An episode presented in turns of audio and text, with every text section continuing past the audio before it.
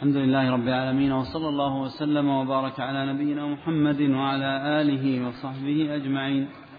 أما بعد ففي هذا اليوم العشرين من شهر جماد الآخرة لعام أربعة وثلاثين وأربعمائة وألف ينعقد هذا المجلس في شرح كتاب التوحيد للإمام محمد بن عبد الوهاب رحمه الله تعالى للشيخ الدكتور عبد الله العنقري حفظه الله تعالى في جامع عثمان بن عفان رضي الله عنه بحي الوادي بالرياض.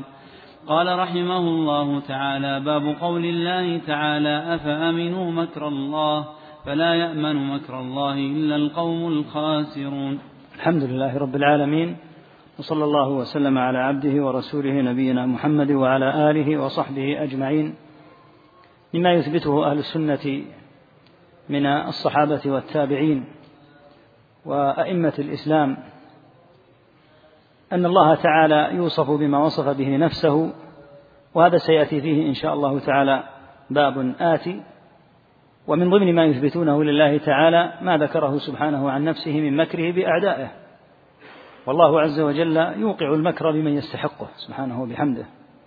ولهذا فإنه تبارك وتعالى عند ذوي القلوب الحية من أعظم ما يخشى استدراجه ومكره بعباده فإن الله تعالى يأخذ على حين غرة ويملي للإنسان ويمهله ولا يهمله سبحانه وتعالى ثم إذا أخذه أخذه أخذ عزيز مقتدر.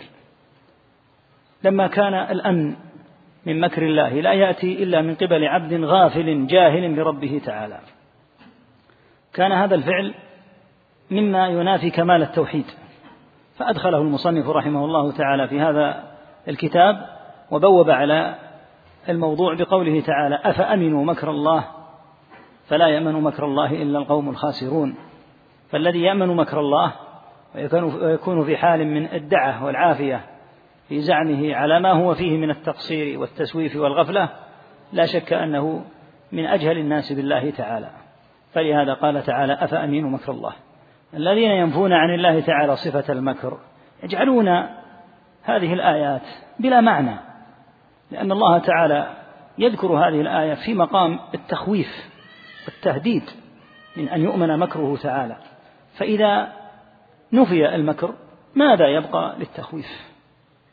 فمكر الله عياذا بالله تعالى يتبدى لمن توالت عليه نعم الله سبحانه وتعالى.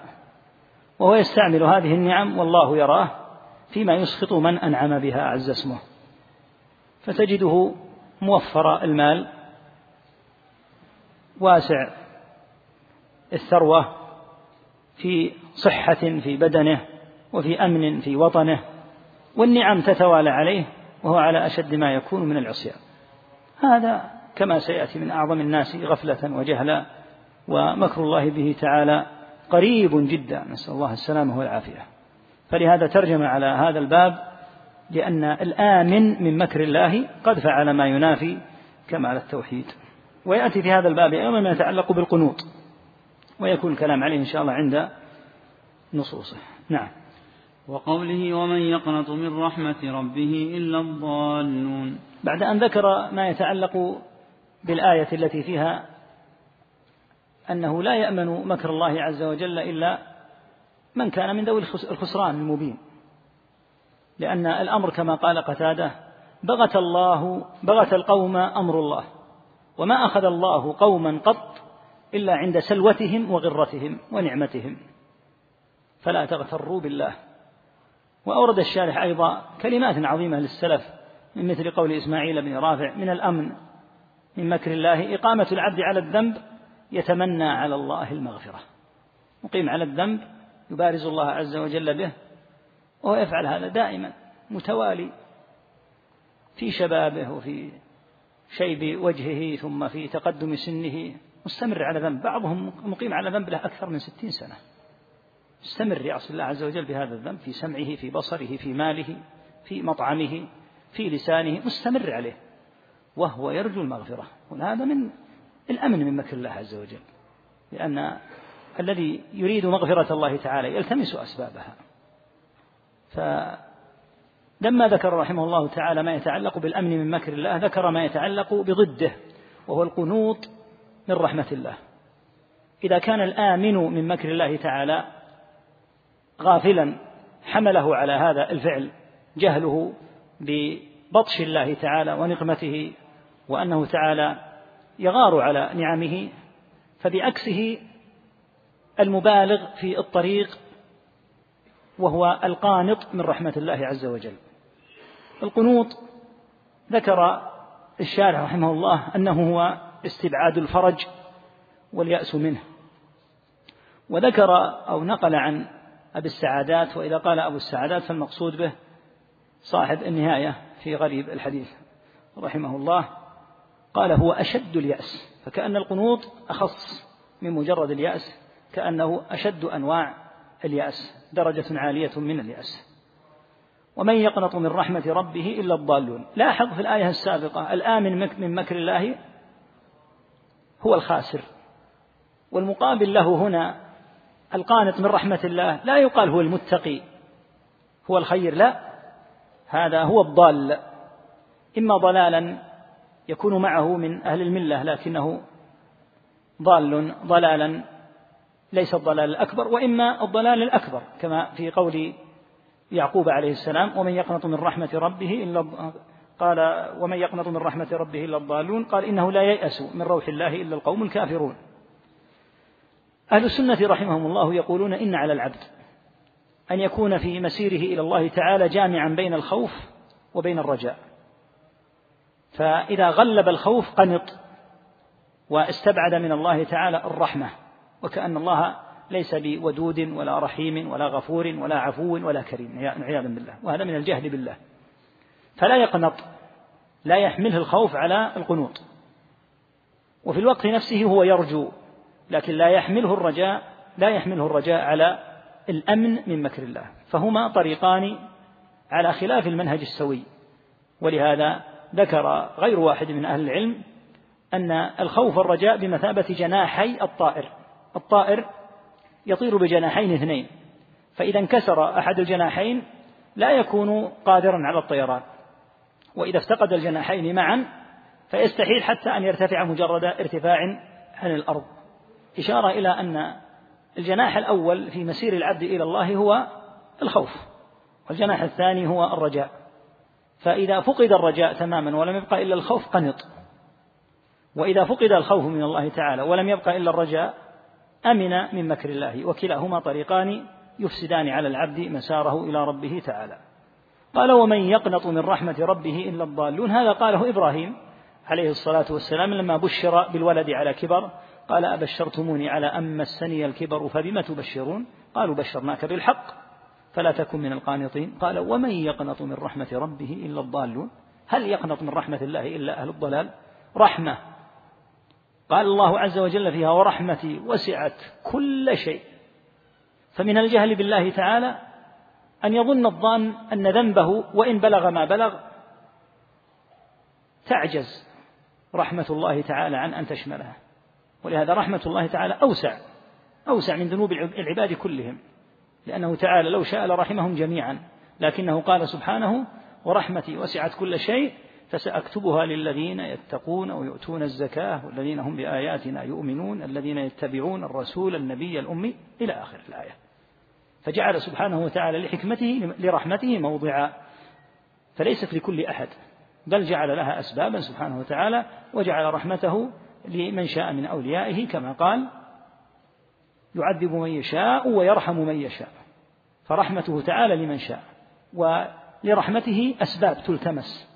وأعظمها طاعته سبحانه واجتناب معصيته. فأما القنوط من رحمة الرب عز وجل الذي وسعت كل شيء فلا شك أن هذا لا يكون إلا من أهل الضلال. ولهذا في الآية الأخرى لا ييأس من روح الله إلا القوم الكافرون.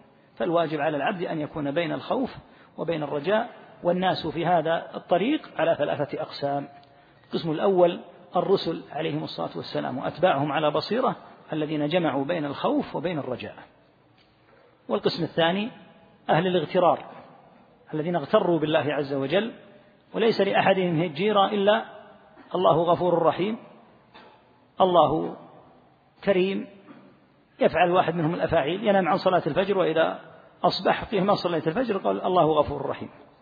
ورحمة الله عز وجل تحملك على أن تترك الصلاة وإذا عمل بالربا والفواحش وسافر إلى بلاد العهر والكفر والفجور ولم يترك فاحشة ولا خمرا ولا فسادا إلا فعله ورجع وسمع داعيا يدعو إلى الله عز وجل بوجوب تقوى الله في السر والعلانية وترك الذهاب إلى بلاد الفجور والفساد. قال هؤلاء ما عندهم إلا التشديد ولا يعرفون من رحمة الله شيئا. رحمة الله عز وجل كما قال تعالى فسأكتبها للذين يتقون أما الذي لا يتقي الله عز وجل ويظن أن رحمة الله عز وجل تعني أن يجترئ على الذنوب وعلى المعاصي فهذا لم يعرف الله عز وجل. أو عرفه معرفة رجل قصرت معرفته به سبحانه وتعالى. فالواجب أن يسعى إلى ما كان عليه الرسول صلى الله عليه وسلم والرسل جميعا وأتباعهم على بصيرة من الجمع بين الخوف والرجاء. أما القسم الثاني فهم أهل الاغترار بالله الذين لا يعرف الواحد منهم إلا أن الله غفور رحيم. ولا يعلم أن الله أو كأنه لا يعلم أن الله شديد العقاب. ومن أكثر من نشر هذا القول الخبيث المرجئة. فهم الذين يركزون دائما على أمور الوعد ويتركون ما يتعلق بالوعيد. حتى بلغ بهم الفجور أن قال شاعرهم فأكثر ما استطعت من المعاصي إذا كان القدوم على كريم. يعني عياذا بالله يهيج الناس هيجانا على أن يعصوا الله بدعوى أنه ما دام الله تعالى كريما فأكثر. من المعاصي. بدلا من أن يقول كما قال تعالى وتزودوا فإن خير الزاد التقوى. هو رأى أن كرم الله ورحمة الله تعني أن يجترأ على الذنوب عياذا بالله. الصنف الثالث هم الذين عكسوا المسألة ورأسهم الخوارج وتبعهم على ذلك المعتزلة وأصل المسألة من الخوارج وهم الذين غلبوا جانب الخوف. وكأن الله سبحانه وتعالى ليس من وصفه ومن أسمائه سبحانه وتعالى شيء يتعلق بالعفو والمغفرة والرحمة والحلم ونحو ذلك من الآيات التي وصفت الرب سبحانه وتعالى بمثل هذا. فلهذا تجدهم يشددون تشديدا عظيما جدا في أمر الكبائر ويعظمون من شأن الكبيرة أكثر من التعظيم الشرعي. وأي شخص يأتي إلى شيء قد جعله الشرع عند حد معين فيرفعه عما حده الشرع فهو مبتدع. فالكبيرة كاسمها كبيرة وقبيحة وفي الحديث سميت بالمقتلة وسميت كما تقدم في الحديث السابق اجتنبوا اجتنبوا السبع الموبقات مهلكات لكن لها حد لا يبالغ. فالمبالغة فيها بجعل صاحب الكبيرة من أهل الكفر هذا زيادة وتعدي لحدود الله عز وجل ومبالغة في أمر الوعيد. ولهذا أهل السنة رحمهم الله يقولون يجب الجمع بين نصوص الوعد والوعيد وهذا في القرآن. نبئ عبادي أني أنا الغفور الرحيم وأن عذابي هو العذاب الأليم. وقال الله عز وجل ويحذركم الله نفسه. والله رؤوف بالعباد. إنهم كانوا يسارعون في الخيرات ويدعوننا رغبا ورهبا. عندهم رغبة وعندهم رهبة. فلا يغلبون شيئا على هذا. والأمر في هذا واضح جدا. لأن إذا غلب جانب الخوف صار الأمر متعلقا بالقنوط. وإذا غلب جانب الرجاء وصل الأمر إلى حد الأمن من مكر الله. ويقع هذا في أمر القنوط لبعض من لا يكون بالضرورة من الخوارج ولكن بعض من قد يسرف على نفسه بالمعاصي. ويلاحظ أن بعضهم بعد أن يمضي ما شاء الله تعالى من السنين في الذنوب والمعاصي ويستذكر يعني ما وقع له من الدواهي والبلايا أنه يستعظم ما فعل ويشتد عليه الأمر. ويبلغ من حيث لا يشعر يبلغ حالا يقع في يقع معه في القنوط وهو لا يشعر. فبعد أن يستذكر يعني ما وقع منه مثلا من فواحش أو من فساد أو نحوه أو تعدي لحدود الله عز وجل واستهزاء بالدين وأهله والخير وأهله ثم إن الله تعالى يمن عليه بتوبة تجد أنه يستعظم ما وقع منه في السابق حتى إنه يعيي ويتعب الناصح. يعني بعد أن كان يتعب الناصح في ترك الفساد صار يتعب الناصح في ترك المبالغة في الخوف. وصار كالمخبر بالحديث الصحيح أنه من أهل النار. عنده يأس شديد جدا من ما صنع. وهذا مثل ما قلنا مزية التوحيد وفائدة دراسته. هذا لو علم وفهم التوحيد ما فعل هذا. لو علم عظمة الرب سبحانه وتعالى ورأفته ورحمته ما يبلغ هذا المبلغ.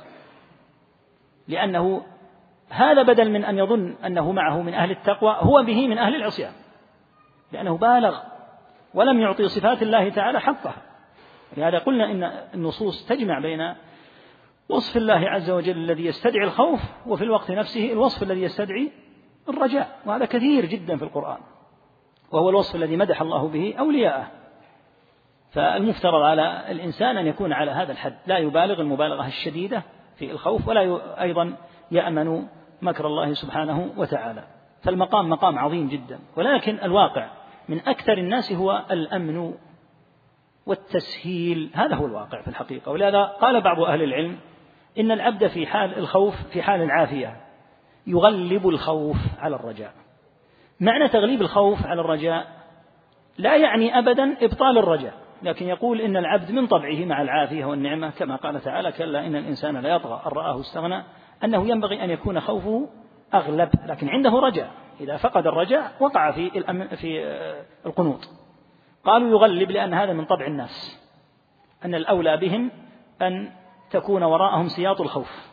فالنفوس تحتاج إلى مثل هذا. أما عند الموت فنص الحديث الصريح في صحيح مسلم على أن العبد لا يحل له أن يلقى الله عز وجل إلا محسنا به الظن. فروى مسلم أن النبي صلى الله عليه وسلم قال قبل أن يموت بثلاث لا يموتن أحدكم إلا وهو يحسن الظن بالله. قال أهل العلم السبب أن الإنسان في حال العافية والنعمة بحاجة إلى أمر الخوف حتى يحمل نفسه على الواجبات ويمنعها من المحرمات. أما وقد أقبل على الله واقترب من الوفاة فالخوف الآن تغليبه لا معنى له لأنه ليس الآن في مقام سيعمل فيه معاصي هو الآن مقبل على ربه تعالى فينبغي أن يحسن بربه الظن وأن يلقى الله تعالى محسنا به الظن عز اسمه. وقال آخرون من أهل العلم إنه لا ينبغي أن يغلب الخوف على الرجاء ولا الرجاء على الخوف بل ينبغي أن يلازمهما معا دائما. يلازم الخوف والرجاء ويجعلهما كما تقدم كجناحي الطائر. لا يزيد في الخوف عن حده ولا يزيد في الرجاء عن حده. قالوا ثبت عنه عليه الصلاة والسلام أو ورد عنه, عنه, عنه عليه الصلاة والسلام أنه دخل على شاب وهو في الموت فقال كيف تجدك؟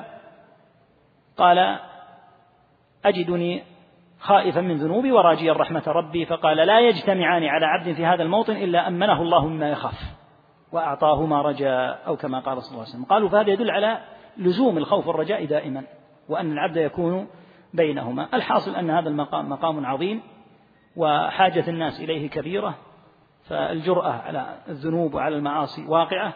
وأيضا بعض من يهديهم الله عز وجل ويعودون إلى الطاعة وإلى الخير ويستذكر ما أمضى في حياته من المحادة لله عز وجل والجرأة على الذنوب والمعاصي والسخرية بالدين وبأهله وبأهل الخير والصلاح والاستهزاء مثلا باللحية وبنحوها وبكذا. يستذكر هذا الأمر فيكون عليه مرا شديدا. فيجعل نفسه كأنه في مقام من لا يغفر له وهذا خطأ. الشرع أتى بما قال عليه ما قال الله تعالى وكذلك جعلناكم أمة وسطا قال صلى الله عليه وسلم عدلا كما في صحيح البخاري. فالأمة الوسط هي الأمة التي هي عدل وهي شاهدة على الأمم كلها كما في كما سيكون في القيامة. ومن العدل أن يلزم النبي العبد ما كان عليه النبي صلى الله عليه وسلم فلا يفرط ويبالغ ويزيد فيكون من أهل الغلو ولا يفرط ويقصر فيكون من أهل الجفاء سواء في باب الخوف الرجاء أو في غيرها من الأبواب. نعم. وعن ابن عباس رضي الله عنهما أن رسول الله صلى الله عليه وسلم سئل عن الكبائر فقال الشرك بالله واليأس من روح الله والأمن من مكر الله. الكبائر حدها كثير من أهل العلم بأنها ما كان من الذنوب ختمه الله تعالى بالوعيد بالنار أو اللعنة أو الغضب أو العذاب. وقال شيخ الإسلام أيضا أو نفي الإيمان كقوله لا يؤمن أحدكم ونحو ذلك. قالوا هي الكبائر. وبنص القرآن الذنوب نوعان كبائر وصغائر. قال تعالى إن تجتنبوا كبائر ما تنهون عنه نكفر عنكم سيئاتكم. وقال تعالى حين يرى الفاجر كتابه ما لهذا ما لهذا الكتاب لا يغادر صغيرة ولا كبيرة إلا أحصاها. فالذنوب فيها كبائر وفيها صغائر. وجاءت أحاديث كثيرة بذكر الكبائر. وليس معنى قول النبي صلى الله عليه وسلم في حديث الكبائر كذا أنها هي الكبائر فقط ولكن المقصود أن هذا من الكبائر. فمن الكبائر ما تقدم في حديث السبع الموبقات. الموبقات المهلكات. ولما كانت مهلكات فهي من الكبائر. فذكر عليه الصلاة والسلام السبع التي تقدم ذكرها. ولما قيل لابن عباس رضي الله عنهما الكبائر سبع قال هي إلى السبعين أقرب. يقول لا تحد في سبع هي أكثر من أن تكون سبعا. فالكبائر كثيرة ولا سيما إذا جعل هذا التعريف كل ذنب ختم بالوعيد بالعذاب أو اللعنة أو نحوه هذا كثير في النصوص. ولهذا صنفت مصنفات في الكبائر آه، هدف مصنفيها أن يجمعوا ما ورد من هذه النصوص الدالة على أن ذنب كذا من الكبائر وذنب كذا من الكبائر وقد يختلف أهل العلم في الذنوب. فمن الذنوب ما لا يشك أحد في أنه من الكبائر كشرب الخمر وقذف المحصنات الغافلات والزنا وقتل النفس ونحو ذلك من الفظائع وثمة ذنوب قد يقال إنها من الكبائر وقد يقال إنها لا تبلغ حد الكبائر. الحديث هذا قال ابن كثير في إسناده نظر لوجود رجل يدعى شبيب بن يدعى شبيب بن بشر من أهل العلم من قال إنه لين ولا يصل حديثه إلى حد الحديث الثابت ومنهم من قال إنه ثقة. يقول ابن عباس عن رسول الله صلى الله عليه وسلم الشرك بالله سئل عن الكبائر فقال الشرك بالله. وهذا واضح جدا أن الشرك أكبر الكبائر كما هو معلوم كما تقدم في حديث السبع الموبقات هو أكبر الكبائر. واليأس من روح الله. والأمن من مكر الله. لاحظ كيف جمع الأمرين. وهذا يدل على أمر التوسط والوسطية الحقيقية في الشرع. أنه ليس لأحد أن ييأس بدعوى أن الله شديد العقاب وبدعوى أن ذنوبي كذا وكذا كثيرة. لا تيأس. وهكذا لا يقدم أحد على الأمن من مكر الله بدعوى أن رحمة الله وسعت كل شيء وأنه من أهل التوحيد وعبارة العامة. إذا قيل لهم كلمة قال نحن من الحمد لله على الفطرة ومن أبناء الفطرة. هذا لا يقتضي الأمن من مكر الله وأن تفعل الذنوب. الفطرة لا تدفعك إلى أن تجاهر بالذنب وتكون من أهل القحة في إظهاره. ثم تقول من أبناء الفطرة. أبناء الفطرة الحقيقية لا, لا يفعلوا مثل هذه الأفاعيل بأن يظهروا الذنوب والمعاصي. قوله اليأس من روح الله. ذكر الشيخ ابن عثيمين رحمه الله أن المراد بالروح وهو بالفتح ليس من روح الله من روح الله. يقول الروح قريب من معنى الرحمة وهو الفرج والتنفيس. يعني يرى أن الله تعالى لن يفرج له وييأس من أن يفرج الرب سبحانه وتعالى له. وهذا كما تقدم من المبالغة والزيادة. قال والأمن من مكر الله فجعل الأمرين معا من الكبائر. فليس لأحد باسم خوف الله أن يزيد وليس لأحد باسم سعة رحمة الله أن يفرط. نعم. وعن ابن مسعود رضي الله عنه قال أكبر الكبائر الإشراك بالله والأمن والقنوط من رحمة الله واليأس من روح الله. رواه عبد الرزاق. نعم هذا أيضا كالذي قبله.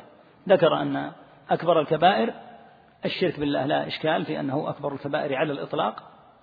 ثم ذكر الأمن من مكر الله وتقدم الكلام عليه والقنوط من رحمة الله عياذا بالله وأيضا تقدم الكلام عليه وذكرنا أن ابن الأثير رحمه الله يقول إنه أشد اليأس عياذا بالله. فاليأس معناه قطع الرجاء والأمل من الله يقطع رجاءه وأمله من الله تعالى كأن الله سبحانه وتعالى ليس رحيما ولا عفوا ولا كريما ولا يحب التوابين ويحب المتطهرين فلا لا يعرف من صفات الله عز وجل إلا ما في زعمه ما يغلب عنده الخوف. فالأمن من مكر الله والقنوط من رحمة الله هذه من الكبائر وهكذا اليأس من روح الله كما تقدم. نعم. باب من الإيمان بالله الصبر على أقدار الله. الصبر على أقدار الله من أعظم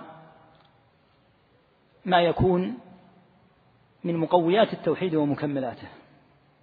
وبقدر ما يوفق الإنسان للصبر بقدر ما يعظم عنده التوحيد وأصل الصبر معناه الحبس للنفس. أصل معنى كلمة الصبر حبس النفس. ولهذا إذا قيل قتل صبرا أي حبس ثم قتل. ليس مثل الذي يقتل مثلا في أثناء المعركة. الذي يقتل في أثناء المعركة لا يقال قتل صبرا بل قتل في أثناء القتال. لكن الذي قتل صبرا كعقبة بن أبي معيط لما قتل النبي صلى الله عليه وسلم صبرا أي أنه أسر ثم ربط ثم قتل. هذا معنى قتل الصبر أي أنه يحبس.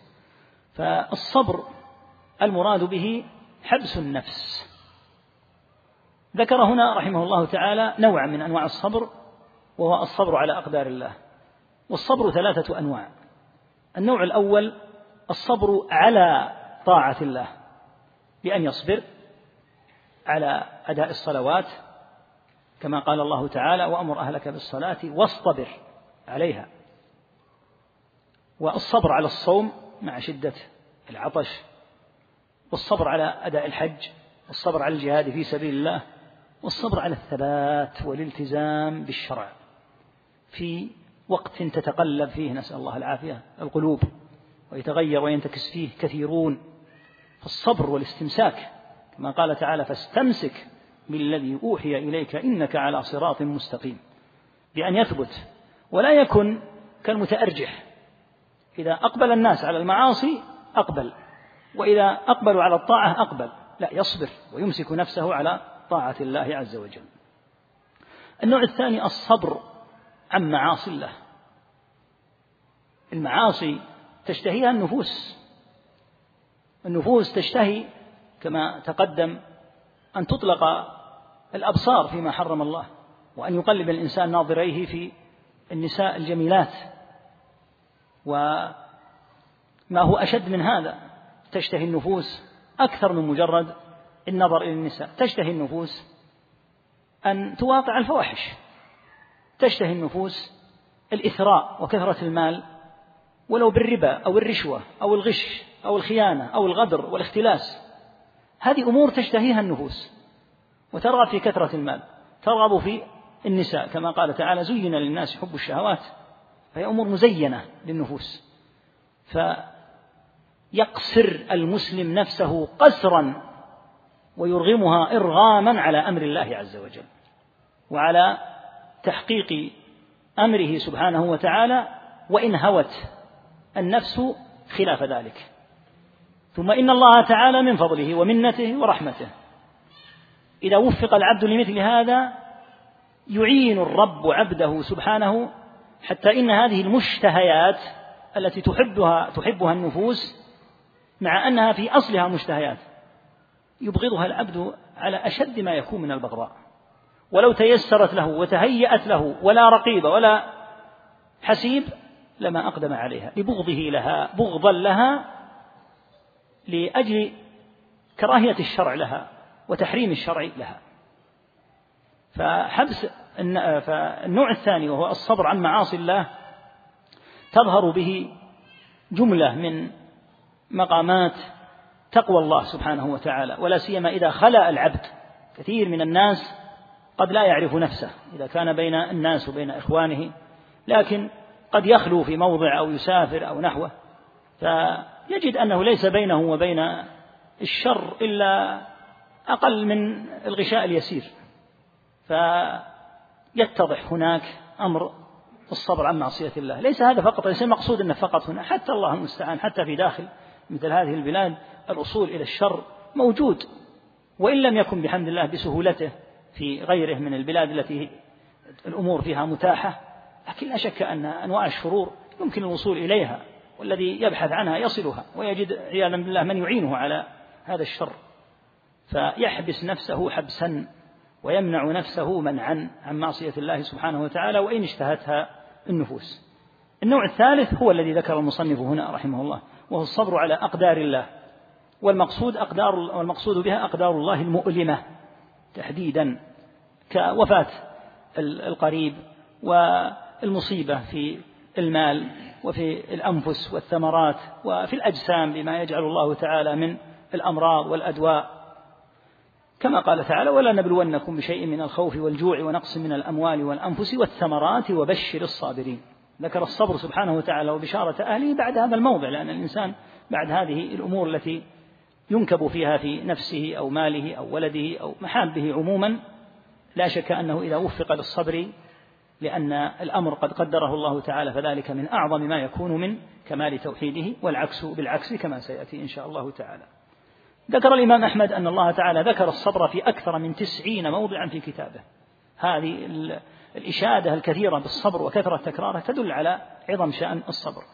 وقال النبي صلى الله عليه وسلم ما أعطي أحد عطاء خيرا وأوسع من الصبر.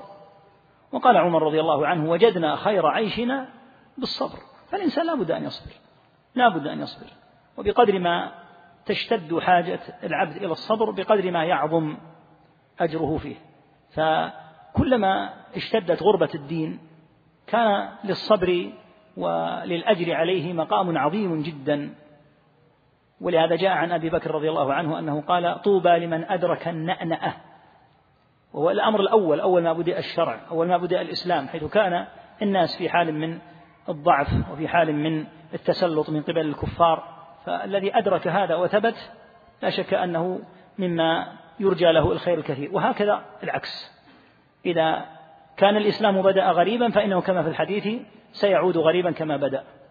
فلو تلاحظ مثلا الحال الذي نحن فيه الآن وتقارنه بالحال قبل عشرين أو خمس, أو خمس وعشرين سنة تجد أن ثمة فرقا كبيرا حتى عندنا هنا. فرق كبير. ف مثلا هذا الذي أنتم فيه من العلم نسأل الله يرزقنا وإياكم جميعا الإخلاص فيه. يحتاج إلى صبر. كل إنسان يراجع مسائل العلم كل إنسان يواظب على دروس العلم كون الإنسان آه، يعمل بموجب ما تعلم ويعود نفسه ذلك ويدعو غيره ويثبت ولا تغره زهرة الدنيا وبهجتها وإمكانيات الإغراء الكثيرة التي يمكن أن تجتاح من يحمل العلم يصبر على هذا ويقصد به وجه الله فشك أن هذا من أعظم الجهاد في سبيل الله عز وجل. ولا سيما لمن حمل العلم وقام به كما ينبغي ورفعه ولم يكن كما قال الشاعر ولو أن أهل العلم صانوه صانهم ولو عظموه في النفوس لعظم ولكنهم هانوا فهان ودنسوا محياه بالأطماع حتى تجهم إذا قيل هذا مشرب قلت قد أرى ولكن نفس الحر تحتمل الظمأ.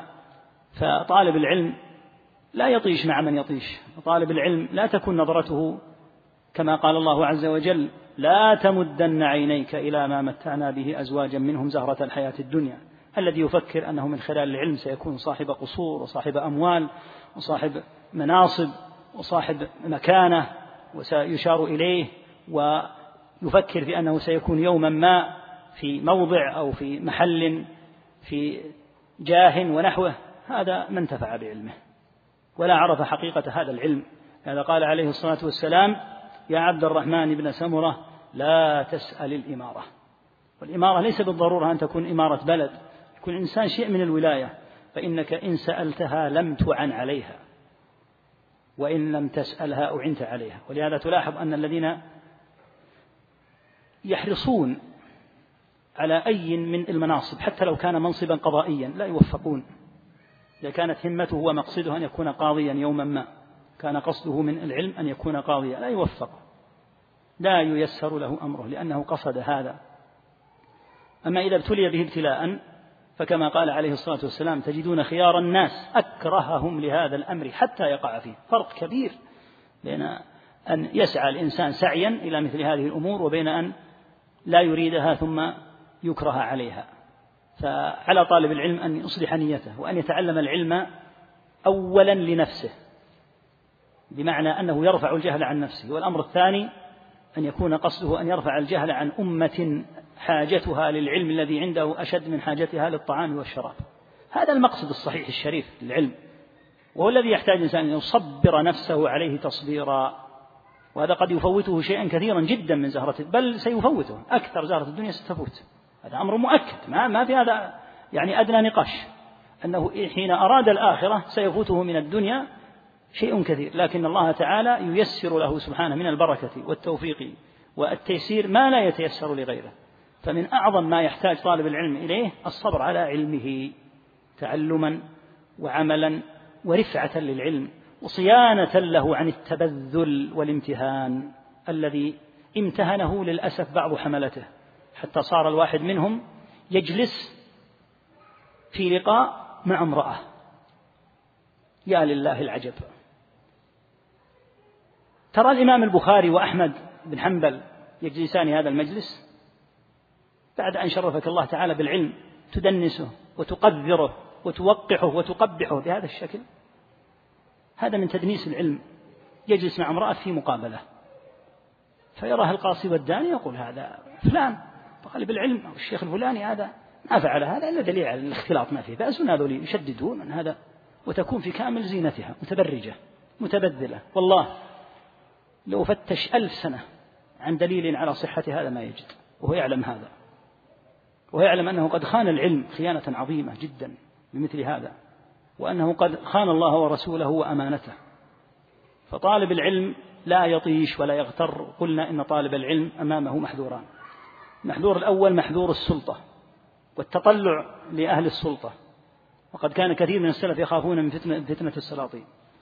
والجانب الثاني وبدت فيه الفتنة عياذا بالله وظهرت في أناس نسأل الله العافية والعافية. جانب الجماهير وكثرة المشيرين إليه وكثرة السعي والحرص إلى اكتساب أكبر قدر من جماهير الناس وغوغائهم على حساب العلم وعلى حساب هذه الأمانة العظيمة. ولهذا في الحديث الصحيح أن النبي عليه الصلاة والسلام ذكر في حديث سمرة رجلا يثلغ رأسه بالحجر. فيتدهده الحجر ويتبعه الملك الذي يعذبه فإذا رجع وإذا برأسه قد التأم. فسأل النبي صلى الله عليه وسلم عن هذا فقال هو الرجل علمه الله القرآن فنام عنه بالليل ولم يعمل فيه بالنهار. هذا طالب علم لكنه نسأل الله العافية لم يعمل لم يعمل فيه. فاحرص يا أخي على أن تتعلم العلم لتعمل به. وإياك أن تجمع من هذا العلم ما قالت أم الدرداء لما سألها شاب وكان يكثر التردد عليها قالت أتعمل بما تتعلم؟ قال لا. لكن يجمع معلومات.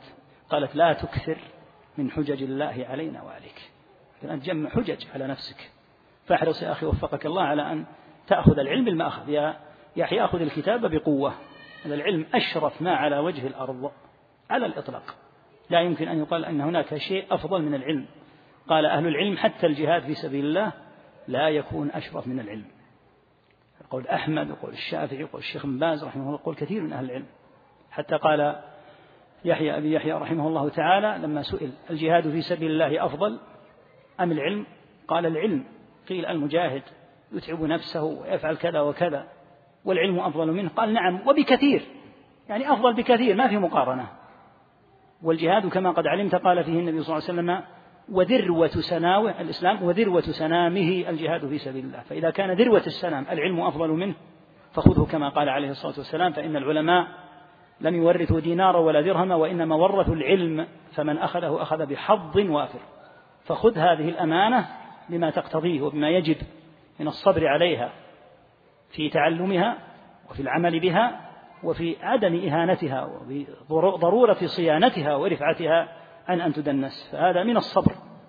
لكن المصنف رحمه الله لما وجه الكلام إلى الصبر على أقدار الله كان مراده الصبر الذي يكون من مقتضاه هذه النكبات وهذه الكروب التي تصيب الإنسان. ولهذا قالوا إن الصبر هو حبس النفس عن الجزع وحبس اللسان عن التسخط والشكوى وحبس الجوارح عما لا يليق مثل شق الجيوب وخمش الوجوه ونحوها فجعلوا الصبر منتظما الأمور الثلاثة هذه حبس النفس عن الجزع والجزع شيء داخلي يعلمه الله تعالى وحبس اللسان عن النطق بالشكوى والتسخط والثالث حبس الجوارح عن أن تفعل ما لا يليق عند النكبة وعند غيره ما كانت تفعله أهل الجاهلية كشق الجيوب أو ضرب الوجوه أو خمش الوجوه ونحوها أو أي موضع من مواضع الجسد. نعم.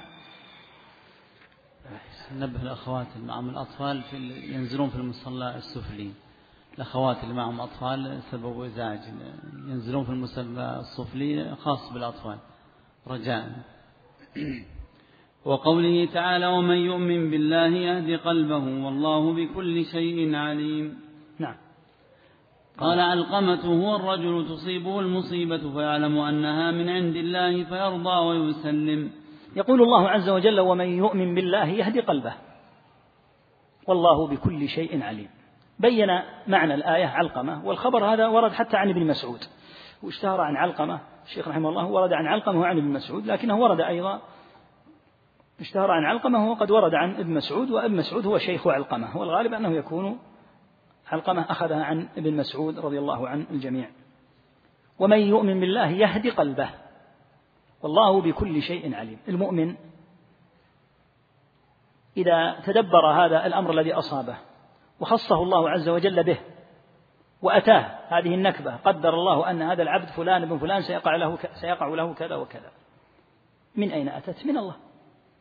إذا تدبرها علم أنها من الله عز وجل ولهذا كما قال علقمة وقبله ابن مسعود في المراد بالآية هو الرجل تصيبه المصيبة أي مصيبة؟ في جسده في ماله في أحبابه وأهله ونحو ذلك تصيبه المصيبة فيعلم أنها من عند الله. هذه المصيبة من أين أتت؟ قدرها الله وخصك بها سبحانه فيرضى ويسلم لأنها من عند الله عز وجل وليس للعبد مع ربه سبحانه وتعالى إذا قدر القدر إلا الصبر والحمد والشكر. قال أهل العلم إن الصبر واجب الصبر يجب لكن هل الرضا واجب؟ يعني إذا أصيب الإنسان بمصيبة في ماله فخسر أو توفي ابنه أو من يحبه من صفي في الدنيا كما في الحديث. أن العبد إذا قبض الله صفيه ثم احتسبه لم يكن عنده لم يكن له جزاء عند الله إلا الجنة.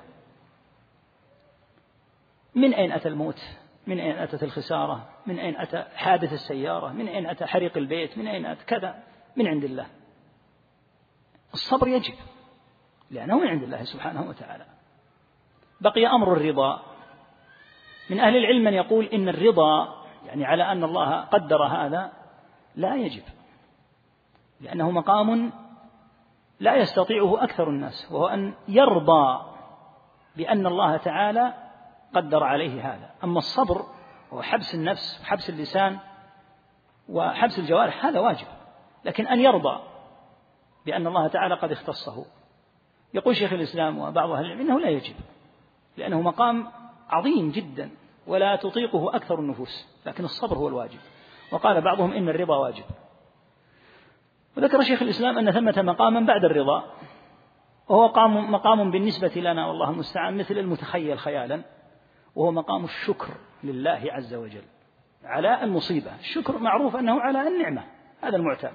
لكن أن يشكر الله تعالى على أن خصه بهذه المصيبة وأن يعلم أن الله ما خصه بها إلا لما سيأتي في الحديث أن هذا مما يرجى أن يكون بسبب أن لهذا العبد عند الله تعالى منزلة هو يحبه فخصه بهذه المصيبة. كما في الحديث أشد الناس بلاء الأنبياء ثم الأمثل فالأمثل.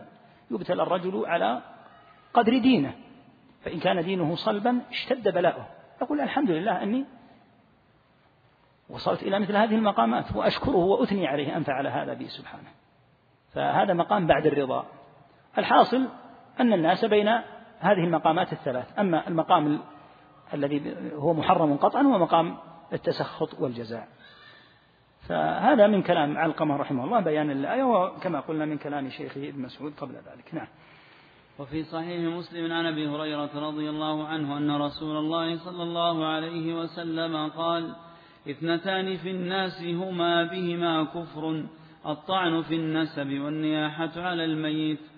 تقدم نظير الحديث هذا وشرحه ومعنى أنه من خصال الجاهلية. قوله اثنتان في الناس هما بهم كفر هذه أي من خصال الكفر؟ وليست ناقلة عن الملة بمعنى أن الإنسان يخرج من الملة بل هذه من أعمال الجاهلية كما تقدم. فيكون في الإنسان خصلة من خصال الجاهلية يكون قد تلبس بعمل يعد شعبة من شعب الكفر لكن لا يكفر به كما قال صلى الله عليه وسلم سباب المسلم فسوق وقتاله كفر. القتال بنص القرآن ليس كفرا مخرجا من الملة لكن يطلق عليه الكفر لأنه كفر دون كفر. قال الله تعالى وإن طائفتان من المؤمنين اقتتلوا. فسماهم بالمؤمنين كما قال البخاري مع اقتتالهم. فهنا قوله اثنتان في الناس هما بهم كفر لا شك أن المقصود الكفر الذي هو الأصغر. الطعن في النسب وتقدم الكلام عليه.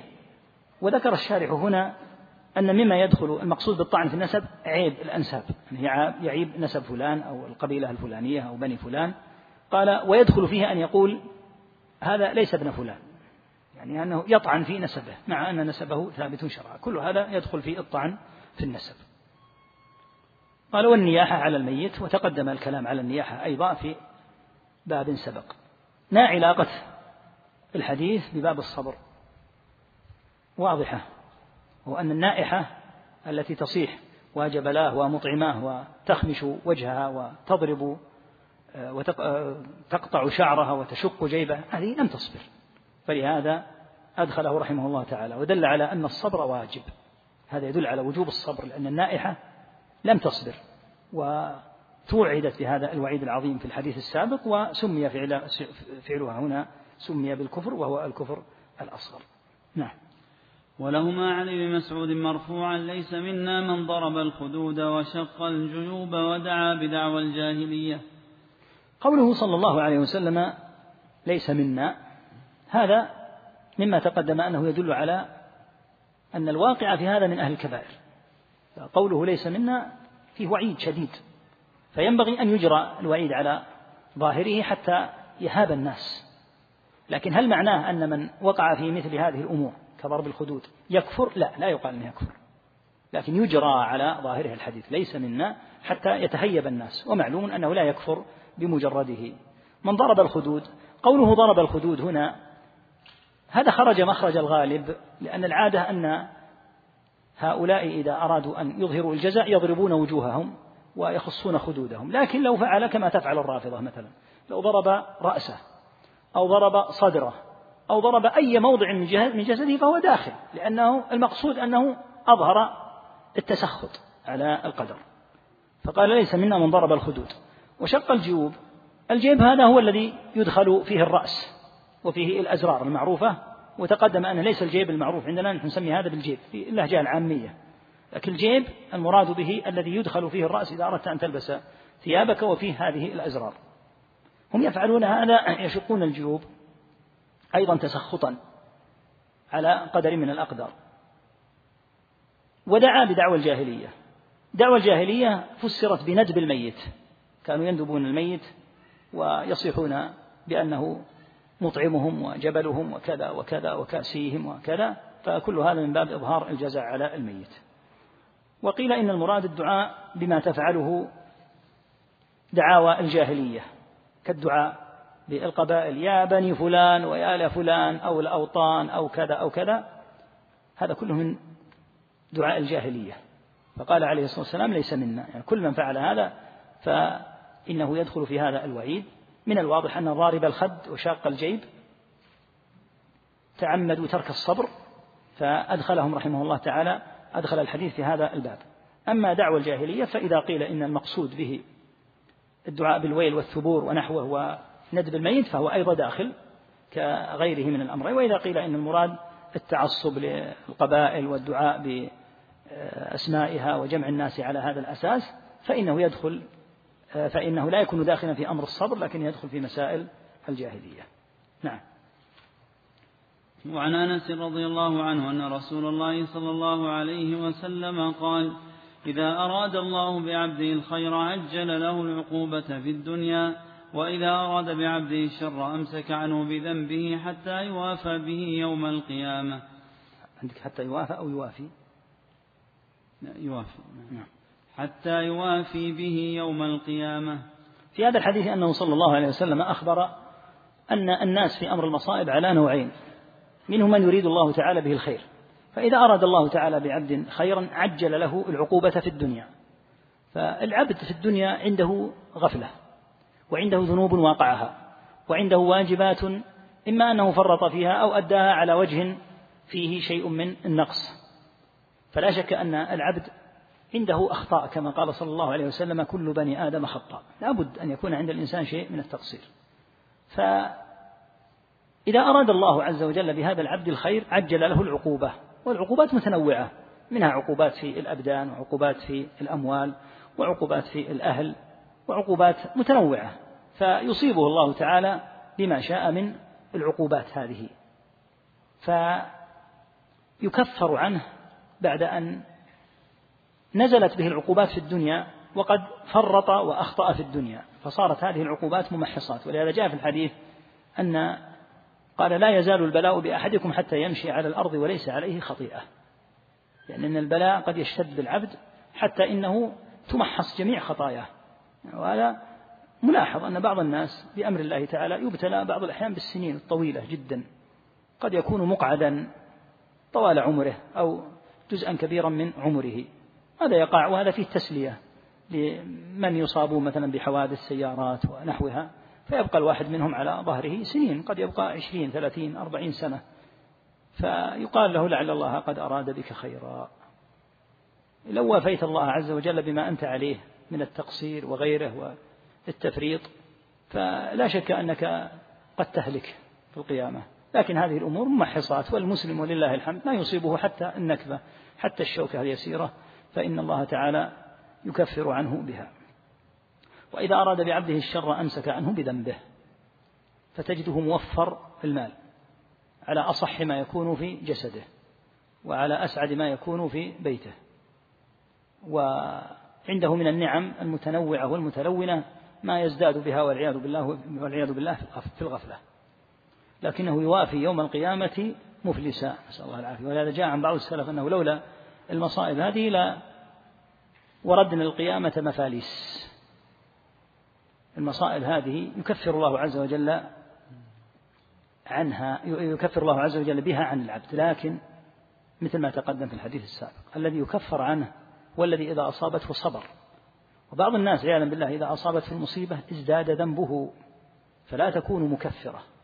فإذا أظهر الجزع والتسخط ربما قال بعض بعضهم في هذا أشعارا يذم ما وقع له وربما عياذا بالله تلفظ بألفاظ حتى متعلقة بالرب سبحانه وأنه لم يعدل فيه وأنه كذا وكذا. قال هذا ما زاده إلا شرا. نسأل الله العافية والسلامة. فالذي يكفر عنه هو الذي إذا أصابته المصائب هذه لزم حد الشرع. وقلنا إن حد الشرع الذي لا بد منه هو الصبر. فإن وفق للرضا أو للشكر هذا أمر آخر. لكن إذا تسخط وجزع فإنه كما في الحديث من رضي فله الرضا ومن سخط فله السخط. فينبغي أن يعرف أن هذا الحديث وأمثاله في من أصيب بالمصيبة فصبر. فعند ذلك يكفر عنه. أما أن تكون المصيبة سببا من أسباب عياذا بالله سبه للدهر أو حتى مقالات غير مناسبة أبدا في الرد فلا شك أنها لا يزداد إلا شرا بها لا يزداد خيرا. نعم. وقال صلى الله عليه وسلم إن عظم الجزاء مع عظم البلاء وإن الله تعالى إذا أحب قوما ابتلاهم فمن رضي فله الرضا ومن سخط فله السخط. عظم الجزاء نعم حسنه الترمذي. عظم الجزاء وكبر قدر ثواب الله بالخير للعبد على حسب عظم البلاء. فمن الناس مثلا من قد يفقد أبنائه جميعا في سيارة في حادث سيارة واحدة. فلا شك أن البلاء كبير جدا بالنسبة له. فجزاؤه أكبر ممن فقد ابنا مثلا أو أصيب في حادث سيارة وتلفت السيارة وسلم هو أو سلم الابن. المصائب متفاوتة بقدر ما يشتد المصاب بقدر ما يشتد الجزاء.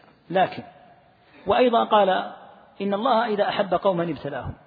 يعني عكس ما يتصور الجهال الذين لا يفقهون. إذا أصيب رجل خير وصالح قالوا والله ما يستاهل. نسأل الله العافية. كلمة خطيرة جدا هذه للغاية. لأن فيها نقد صريح للقدر. بل وطعن في الحكمة. أن الله تعالى أوقع الأمر في غير موضعه. نسأل الله العافية. ففيها شر كبير هذه الكلمة. يقول صلى الله عليه وسلم وإن الله إذا أحب قوما ابتلاهم عكس ما يظن الجاهل. في الحديث أشد الناس بلاء الأنبياء والأنبياء هم أحب عباد الله إلى الله. ثم الصالحون الدرجة الثانية درجة الصالحين. ثم الأمثل فالأمثل. يبتلى الرجل على حسب دينه فإن كان دينه صلبا اشتد عليه البلاء. كلما عظم دين العبد اشتد بلاؤه بعكس ما يظن الجاهل. فالله تعالى إذا أحب قوما ابتلاهم والناظر في أحوال السلف ينبغي على طالب العلم أن يكون على اطلاع على تراجم السلف. ترى كيف أنهم يبتلون البلاء العظيم ترى كيف أنهم يتلذذون بالبلاء ويحمدون الله تعالى ويثنون عليه ويشكرونه أن وقع بهم ما وقع.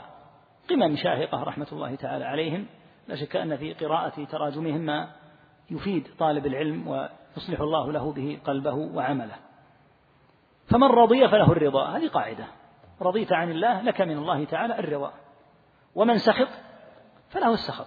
تسخط على من؟ على الله. ماذا, ماذا ستستفيد من سخطك؟ على جبار السماوات والأرض. وماذا سيفعل سخطك؟ لن يؤثر لكنه لن يزيدك من الله إلا بعدا. فمن رضي فله الرضا ومن سخط فله السخط. وفي هذا الحديث أيضا إثبات صفتين من صفات الله تعالى الرضا والسخط. نعم. باب ما جاء في الرياء. الرياء والعياذ بالله مشتق من الرؤية. والمراد به إظهار العبادة لقصد أن يراه الناس. فإذا رآه الناس حمدوه وصاروا يثنون عليه بأنه تقي وورع وأنه مثلا آمر بالمعروف ناهي عن المنكر. قوي في الله عز وجل وهذا الأمر خطير للغاية على طلبة العلم. ولهذا قال ابن مسعود قال الحسن رحمه الله ما أمنه إلا منافق. الرياء النفاق. ما أمنه إلا منافق وما خافه إلا مؤمن. من علامات المؤمن أنه يخاف من الرياء لأن الرياء أمر في غاية الخفاء. وقد يفعل الإنسان الفعل يظن أنه به محسن وأنه به داع إلى الله ولكن للنفس كما قال ابن القيم رحمه الله واحذر كمائن نفسك اللاتي متى خرجت عليك كسرت كسر مهاني النفوس لها كمائن. قد يقف الإنسان الموقف الذي فيه قوة في نصر الحق ودحض الباطل ورد المنكر لكن للنفس مشتهاها في هذا. تريد مدح الناس وثناءهم. وهذا أمر خطير جدا حتى إن الصحابة كانوا يخافونه. يقول ابن أبي مليكة أدركت ثلاثين من أصحاب النبي صلى الله عليه وسلم كلهم يخاف النفاق على نفسه. يعني النفاق قطعا الأصغر كالرياء ونحوه. وجاء عن سفيان بن عيينة رحمه الله في كلام الله أنه قال أينا لم يرائي؟ يعني يصعب أن يقول الإنسان إنه منذ أن هداه الله إلى أن يلقى الله ما وقع منه أي كلمة أو موقف أراد بها الناس. فهذا باب مخوف. وجاء في الحديث عنه عليه الصلاة والسلام أنه قال أكثر منافقي أمتي قراؤها. قراؤها أي حملة العلم فيها. فأخبر أن النفاق يكثر فيهم لأن العلم يجلب لصاحبه شيئا من المحبة في نفوس الناس ورفعة هذا الطالب للعلم. فقد يحمله ذلك على المراءة وإظهار يعني شيء من الأمور التي يريد بها الناس. مما يقع أيضا من الرياء الرياء في العبادات. كما سيأتي مثاله إن شاء الله مثل تطويل الصلاة أو نحوه. لكن ينبغي أن ينبه هنا إلى أمر مهم جدا وهو أن بعض الناس يعكس المسألة فيحمله الخوف من الرياء على ترك الخير. فيترك الخير. لماذا تترك الخير؟ يقول أخشى أني مرائي. فهذان طرفان باطلان. أن يعمل العمل للناس. فهذا باطل وهو من الرياء كما تقدم. النوع الثاني أن يترك بعض الأعمال الصالحة يقول أخاف أن أرائي. فمثلا يصوم الناس مثلا اعتيد بالله الحمد. كثير من الناس يصوم يوم عاشوراء ويصومها عدد كبير من المسلمين. فيتعمد هذا أن يفطر ويأكل يوم عاشوراء يقول حتى يعلموا أني ما صمته أخاف أني أرائي. هذا من الشيطان. أو يريد أن يتصدق على مسكين أو مسكينة في هذا المسجد. لما جاء وجد امرأة جالسة عند باب المسجد أو رجل فقال سأتصدق لكن قال أنا أخاف أني مرائي. وش ضمني ما, ما الذي يضمنني أني أريد الله؟ هذا من الشيطان. عليك أن تغالب نفسك في مثل هذا وفي الوقت نفسه تعلم أنك إذا كنت ستتصدق ولو لم يكن هناك أحد. فلا يحملك نظر الناس على أن تترك الصدقة. لأنك بهذه الطريقة يأتيك الشيطان من باب آخر. الشيطان يأتي للعبد من باب الرياء حتى يظهر العمل أمام الناس فيحبط الله تعالى عمله. هذا طريق. الطريق الثاني أن يصده باسم الورع.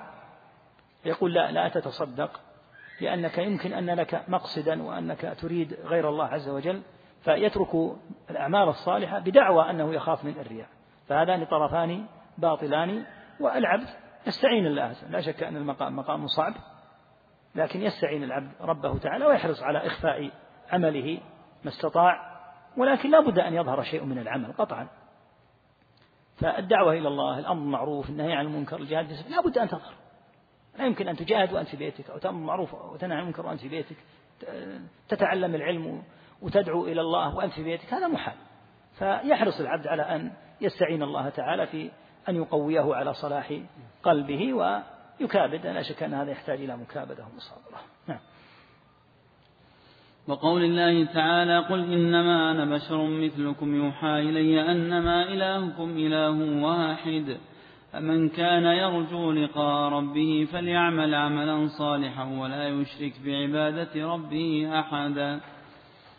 هذه الآية العظيمة بين الله عز وجل فيها أن نبيه عليه الصلاة والسلام أمره أمر نبيه صلى الله عليه وسلم أن يخبر الناس أنه بشر مثلهم لكن فرقه أنه يوحى إليه فهو كغيره من البشر يصيبه ما يصيب البشر ولا يقدر إلا على ما يقدر يقدره الله تعالى عليه فلا يجوز أن يغلى فيه ويصرف له ما لا يجوز أن يصرف إلا للرب تعالى لكن فرقه أنه يوحى إليه فلا ينطق عن هوى وأمره واجب السمع والطاعة ونهيه يجب الكف عنه وكل خبر يخبر به فهو حق وصدق ولا يجوز أن يتقرب إلى الله بأي قربة إلا من طريق سنته عليه الصلاة والسلام.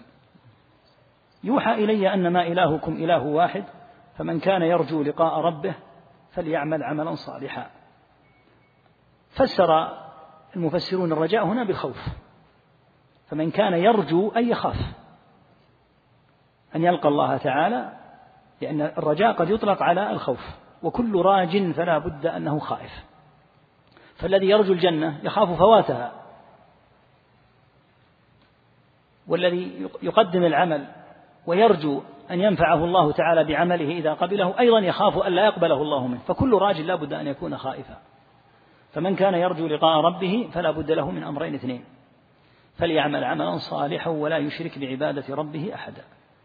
والعمل الصالح لا يمكن أن يوصف العمل لا يمكن أن يوصف بأنه صالح إلا إذا كان على نهج النبي صلى الله عليه وسلم. فإذا لم يكن على طريقة النبي صلى الله عليه وسلم فلا يمكن أن يسمى عملا صالحا. ولا يشرك بعبادة ربه أحدا.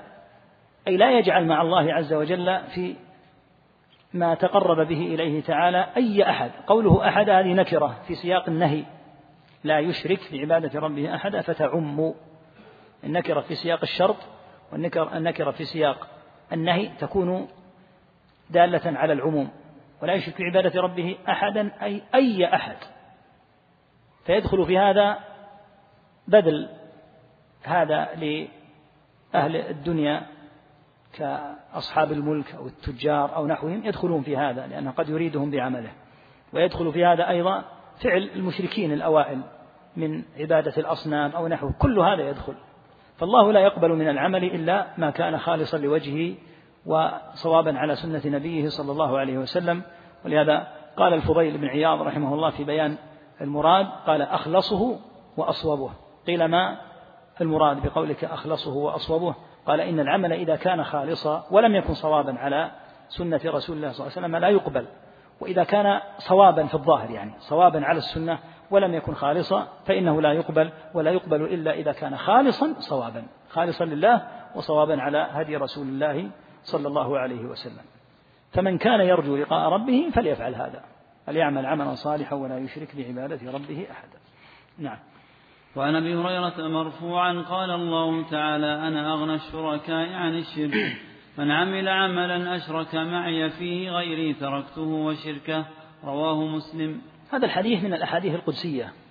الصحيح أن الأحاديث القدسية لفظها ومعناها من الله عكس ما يشيع من أن الحديث القدسي معناه من الله ولفظه من النبي صلى الله عليه وسلم. فالصحيح أن الحديث القدسي لفظه ومعناه كما عندك هنا.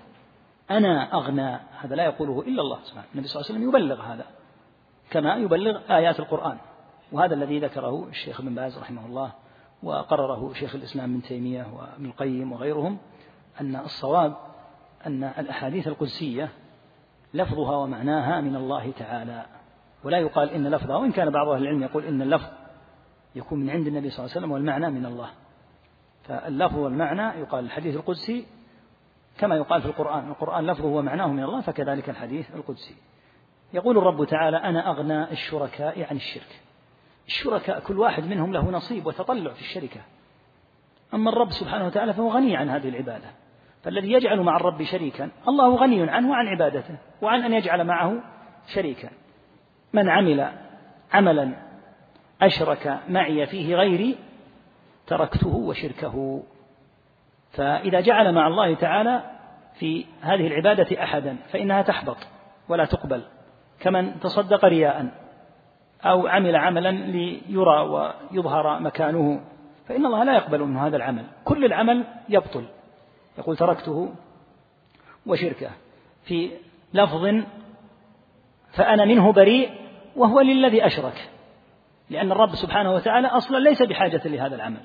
فلما كان هذا العبد الفقير المسكين الذي هو بأشد ما يكون حاجة إلى قبول الله جعل مع الله شريكا يجعل الله عز وجل يجعل الله تعالى العمل كله للذي أشرك به لأن الله غني عن عمله ولا يقبل من العمل إلا ما كان خالصا. نعم. وعن أبي سعيد مرفوعا ألا أخبركم بما هو أخوف عليكم عندي من المسيح الدجال؟ قالوا بلى يا رسول الله قال الشرك الخفي. يقوم الرجل فيصلي فيزين صلاته لما يرى من نظر رجل. رواه أحمد. قوله عليه الصلاة والسلام ألا أخبركم بما هو أخوف عندي عليكم عندي من المسيح الدجال؟ المسيح الدجال قد ثبت عن النبي صلى الله عليه وسلم أنه قال ما بين خلق آدم إلى قيام الساعة أمر أكبر من الدجال. وفي لفظ أعظم فتنة أو نحوه. أعظم فتنة على الإطلاق هي فتنة الدجال. حتى إن الأنبياء جميعا حذروا أممهم منه. قال صلى الله عليه وسلم لقد أنذره نوح قومه من فظاعة فتنة الدجال. وهو خارج في هذه الأمة قطعا. ومع ذلك لأن الأمم انتهت. ووعد الله لا بد أن يتحقق.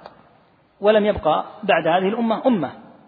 ولم يبقى بعدها إلا أن تقوم الساعة في آخر الأمر. فهو قطعا سيخرج في هذه الأمة كما ثبت في أحاديث كثيرة عن النبي صلى الله عليه وسلم أن الدجال سيخرج في هذه الأمة. مع ذلك كله يقول ألا أخبركم بما هو أخوف؟ أخوف عليكم عندي من المسيح الدجال. قالوا بلى قال الشرك الخفي. الشرك نوعان. في الجملة هناك شرك أكبر وهناك شرك أصغر ويمكن أن يقال إن الشرك ثلاثة أقسام شرك أكبر وشرك أصغر وشرك خفي. لكن الشرك من حيث ظهوره أو عدمه نوعان. إما أن يكون ظاهرا يحلف بغير الله فتسمعه. يلبس تميمة فتراها. يضع حلقة في يده فتراها فيكون ظاهرا. وسواء كان شركا أكبر أو أصغر فإن فإنه يظهر. النوع الثاني من الشرك وهو الذي خافه عليه الصلاة والسلام هذا الخوف الشديد الشرك الخفي الذي لا يظهر بتاتا على العبد أي علامة من علامات الشرك ولكن نسأل الله العافية الداء في الداخل البلاء في الداخل.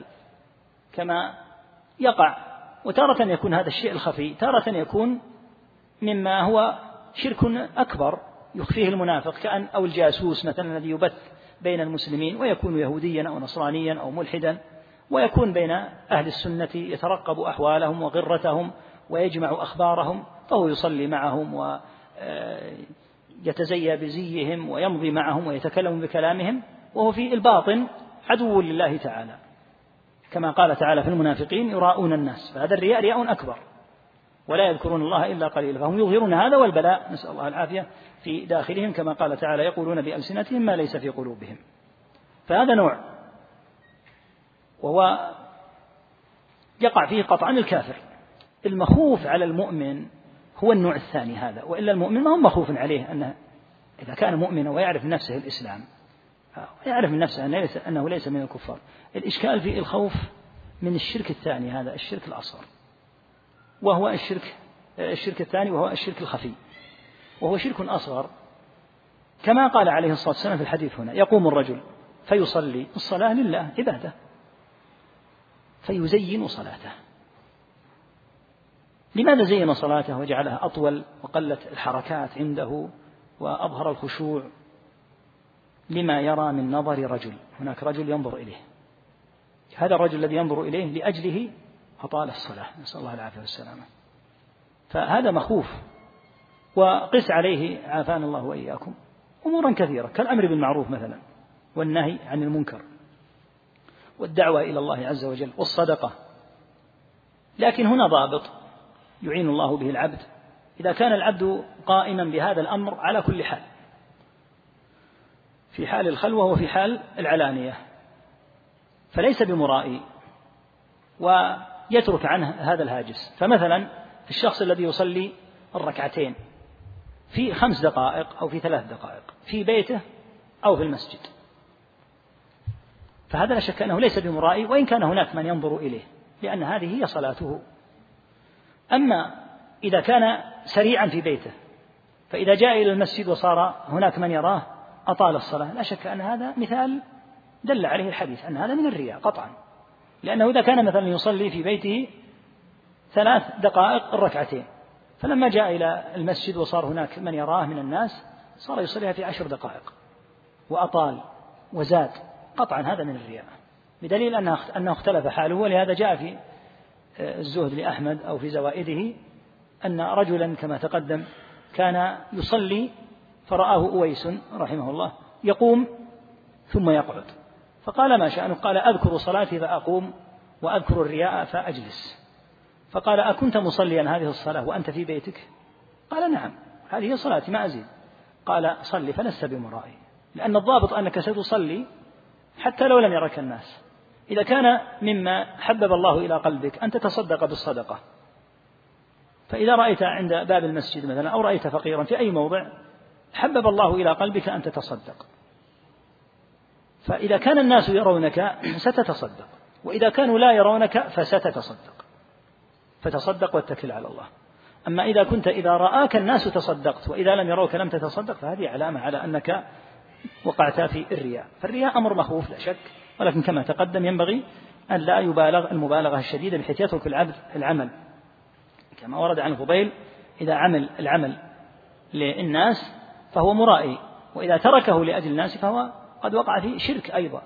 فلا تترك العمل للناس ولا تعمل العمل للناس وهذا لا شك أنه يحتاج إلى شيء من المكابدة والمصابرة والعبد يستعين بالله ويكثر يكثر من هذا الدعاء العظيم. اللهم إني أعوذ بك أن أشرك بك وأنا أعلم وأستغفرك لما لا أعلم. وجه النبي صلى الله عليه وسلم له أبا بكر رضي الله عنه وهو من أعظم الناس إخلاصا رضي الله عنه. ولكن أخبره عليه الصلاة والسلام بما يذهب بصغار الشرك وكباره. وهو هذا الدعاء. اللهم إني أعوذ بك أن أشرك بك وأنا أعلم وأستغفرك لما لا أعلم لأن هناك أشياء قد لا يعلمها العبد. وتدلس بها تدلس عليه نفسه بها فيستغفر الله تعالى منها. نعم. باب من الشرك إرادة الإنسان بعمله الدنيا قد يقول القائل ما الفرق بين هذا الباب وبين الباب السابق؟ الباب السابق في الرياء وهو أن يعمل العمل ليراه الناس. الباب هذا أيضا متعلق بعدم الإخلاص. الرياء ضد للإخلاص. وهذا العمل أيضا أراد الدنيا معناه أنه ما أراد الله. فما الفرق بين هذا الباب والباب السابق؟ هناك فرق دقيق. المرائي همه وقصده أن يراه الناس. فهذا هو مراده وهذا غرضه. فهو يقصد نظر الناس وقد لا يقصد الدنيا. قد يكون غنيا قد يكون من أثرى الناس وعدم وهو غير محتاج أبدا إلى الأموال. لكنه يريد أن يمدحوه ويشير إليه ويصفوه بأنه صاحب إحسان وصاحب نفقات وصاحب بناء مساجد وصاحب إغاثة أيتام. يحب أن يمدح. فيفعل الأفعال هذه ليرى وهو في الوقت نفسه بهذه الطريقة قد أراد الدنيا لأنه تصنع للناس. أما مريد الدنيا بعمله فهو قد لا يهتم بأن يمدحه الناس ولا يكترث. مراده الدينار والدرهم همه المال. حتى إن بعضهم قد لا يكترث بأن يسب حتى لو يذم ليس أمرا كبيرا عنده. وفي الوقت نفسه لا يهمه أن يمدحه الناس همه جمع المال.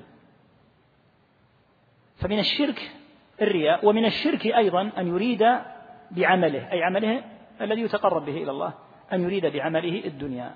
مثاله من يحج ليأخذ المال. هو حج لأنه سيعطى مالا.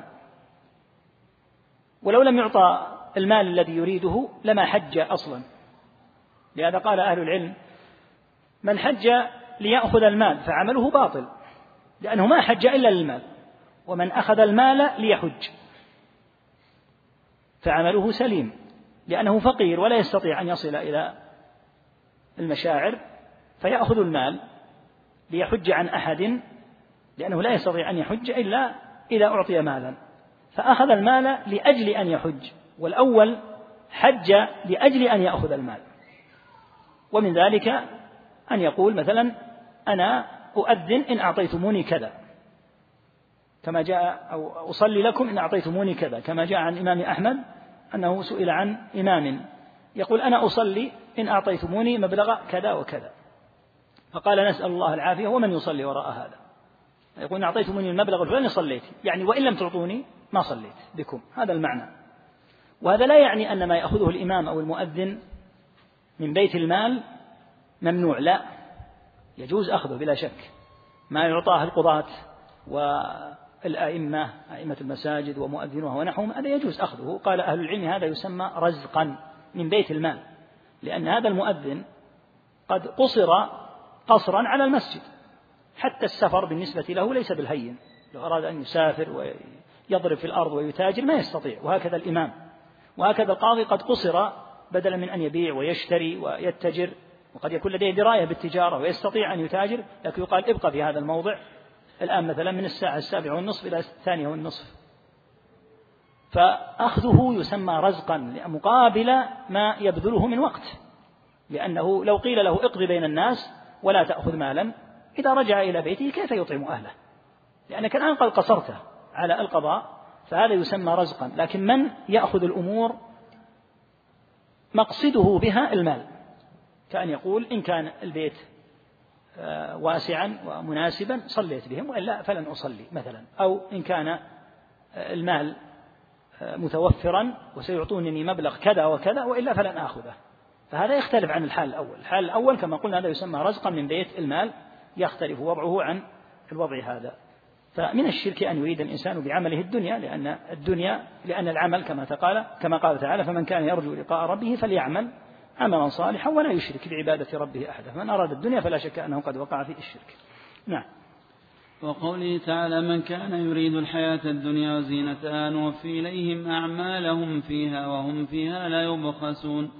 أولئك الذين ليس لهم في الآخرة إلا النار وحبط ما صنعوا فيها وباطل ما كانوا يعملون. الآية الشاهد واضح جدا للباب.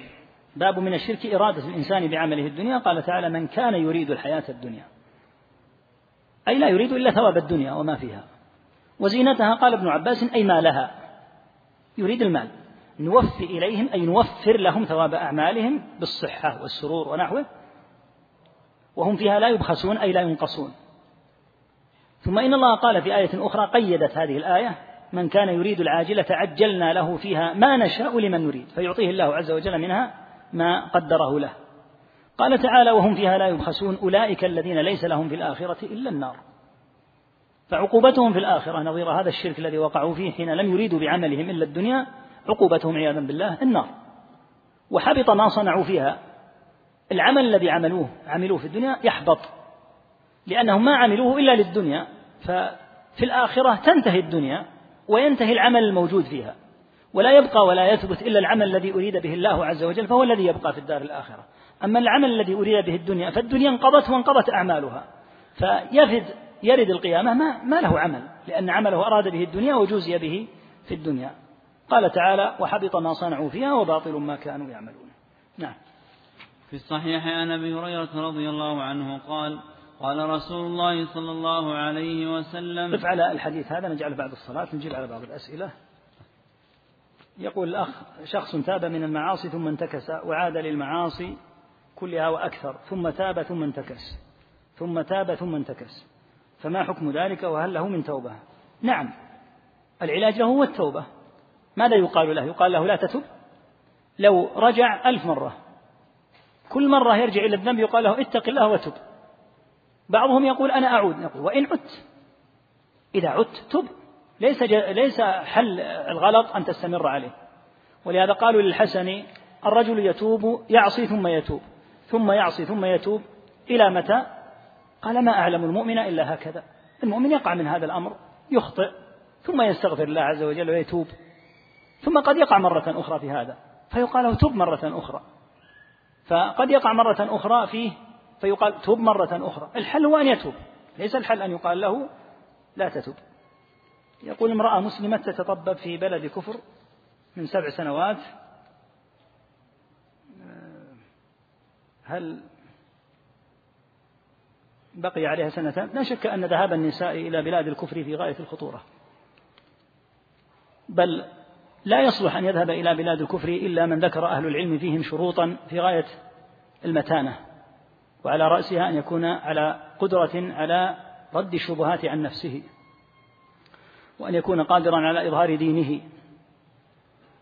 وأن يكون العلم الذي يتعلمه مما لا يمكن أن يوجد في البلاد بلاد المسلمين. فعند ذلك يذهب بهذه الاعتبارات. أما أن يذهب من هب ودب فالأمر خطير جدا. ولهذا كانت العاقبة أن انتكس أناس عن دينهم ومنهم من نسأل الله العافية ارتد ردة تامة ومنهم من حمل أفكارا خبيثة وأتى بها إلى بلاد المسلمين وابتلى المسلمين بأفكاره الفاسدة وهذا كله بسبب عدم التدقيق في هذه الشروط. ذهب إلى بلاد الكفر ذكر أهل العلم له شروطا ضبطته فلا يذهب إلى بلاد الكفر أي أحد. ومن أخطر ما يكون ذهاب النساء والطب يمكن أن يتعلم هنا فالقول بأنه يذهب إلى بلاد الكفر من قبل النساء لتتعلم الطب هذا غير صحيح. وبحمد الله عز وجل الأموال يمكن أن تخدم فبدلا من أن تذهب الألوف لتدرس هناك يمكن أن يؤتى بعدد من المختصين ويدرسون هنا. ويدرسون هنا. فالأمر خطير جدا والذهاب إلى بلاد الكفر ليس لأي أحد ولكن لمن وفقه الله تعالى لإقامة دينه واستطاع أن يذب عن نفسه وعن دينه الشبهة. أما أن يذهب وهو في غاية الجهل وفي غاية عدم العلم فلا شك أن ذهابه لا يحل. الأخ يسأل عما يحدث في سوريا هل هو من الذنوب المعجلة؟ نحن نقول إذا أصيب المسلمون بمصيبة فالأصل أن يقف أهل الإسلام معهم وأن يسألوا الله لهم. أن يفرج همومهم وغمومهم ولكن في الجملة هذه أمور قد تكون من الابتلاء وقد يريد الله نسأل الله أن يريد لهم بها خيرا وأن يحسن لهم بها العاقبة ولا يدرى ما الله عز وجل صانع لكن لعل الله سبحانه وتعالى أن يجعل لهم من هذا الغم فرجا ومخرجا. لكن من حيث الجملة يقال نعم من حيث الجملة الذنوب لها آثار سواء في ذاك البلد أو في غيره لكن من حيث الموقف الذي يقفه المسلم وقفته مع إخوانه وسؤاله الرب تعالى لهم التيسير وأن يفرج همهم. يسأل عن الجمع بين إخلاص العمل والتحدث بنعم الله بضبط النية. التحدث بنعم الله يكون بضبط النية يكون قاصدا أن يظهر نعمة الله عليه لا أن يمدحه الناس. هلك المتنطعون في الحديث هلك المتنطعون هل يدخل في التنطع علم الكلام والفلسفة؟ من أول ما يدخل هذه العلوم الباطلة بلا شك أنها من أعظم التنطع.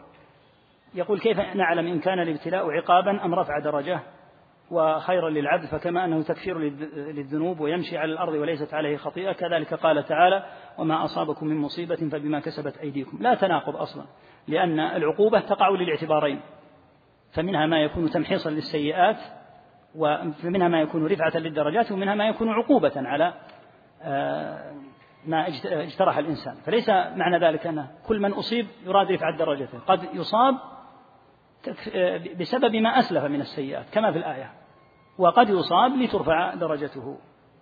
السعي لأخذ الدرجات وغيرها في المواد الشرعية يعتبر من إرادة الإنسان بعمله الدنيا. إذا ضبط النية إن شاء الله تعالى وأراد في أصل دراسته وجه الله فكونه يكتسب الدرجة المميزة إن شاء الله لا يضر هذا. هل نقول إن من لا تصيبه المصائب فليس على خير؟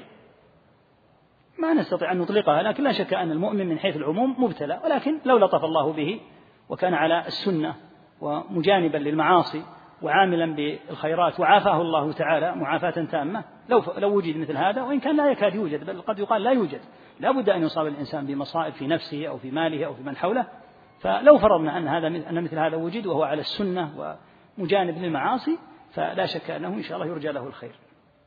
هل مساعدة الناس لأجل المال مع أن هذا العمل قد يكون عبادة بحسب النية الشرك؟ ما هو واضح السؤال؟ السائل ينبغي أن يصوغ السؤال صياغة واضحة ما تحتمل. والله أعلم وصلى الله وسلم على